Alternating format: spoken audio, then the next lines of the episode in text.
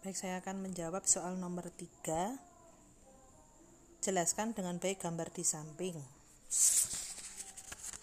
Dari hukum permintaan, peningkatan harga suatu barang atau jasa akan menaikkan jumlah barang atau jasa yang diminta. Kemudian yang kedua, penurunan harga suatu barang atau jasa akan meningkatkan jumlah barang yang diminta. Peningkatan harga akan menyebabkan berkurangnya jumlah barang atau jasa yang diminta dan penurunan harga akan menyebabkan meningkatnya jumlah barang yang diminta. Kemudian yang kedua, selain harga, faktor apa saja yang mempengaruhi jumlah atau barang atau jasa yang diminta? Jelaskan. Faktor yang mempengaruhi jumlah barang atau jasa, perubahan selera konsumen, kemudian perubahan pendapatan konsumen, apakah barang itu masuk ke barang normal, inferior atau superior, kemudian perubahan jumlah konsumen, perubahan harga barang yang berkaitan dengan barang substitusi atau barang komplementer. Barang normal adalah barang yang permintaannya akan bertambah ketika pendapatan masyarakat bertambah. Barang tersebut memiliki elastisitas permintaan yang positif. Kemudian barang inferior adalah barang yang permintaannya akan menurun seiring dengan peningkatan pendapatan masyarakat, seperti sandal jepit. Ketika pendapatan masyarakat rendah, tingkat permintaan terhadap barang tersebut akan tinggi.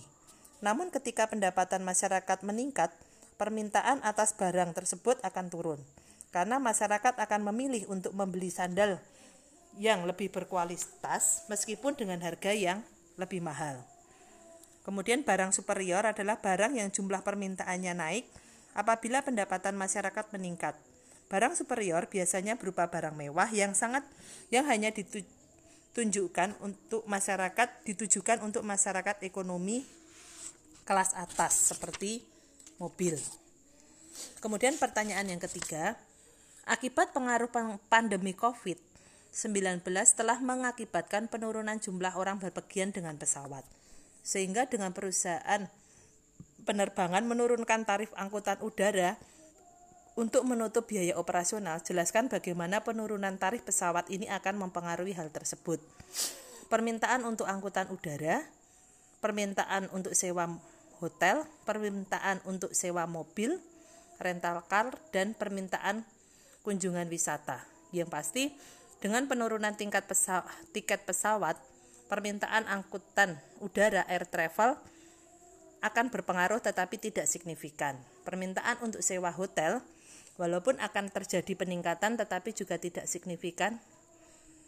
Dan permintaan untuk sewa mobil maupun kunjungan wisata akan berpengaruh sedikit tetapi juga tidak signifikan karena sampai dengan saat ini pun masih banyak kunjungan ataupun tempat wisata yang masih ditutup. Demikian.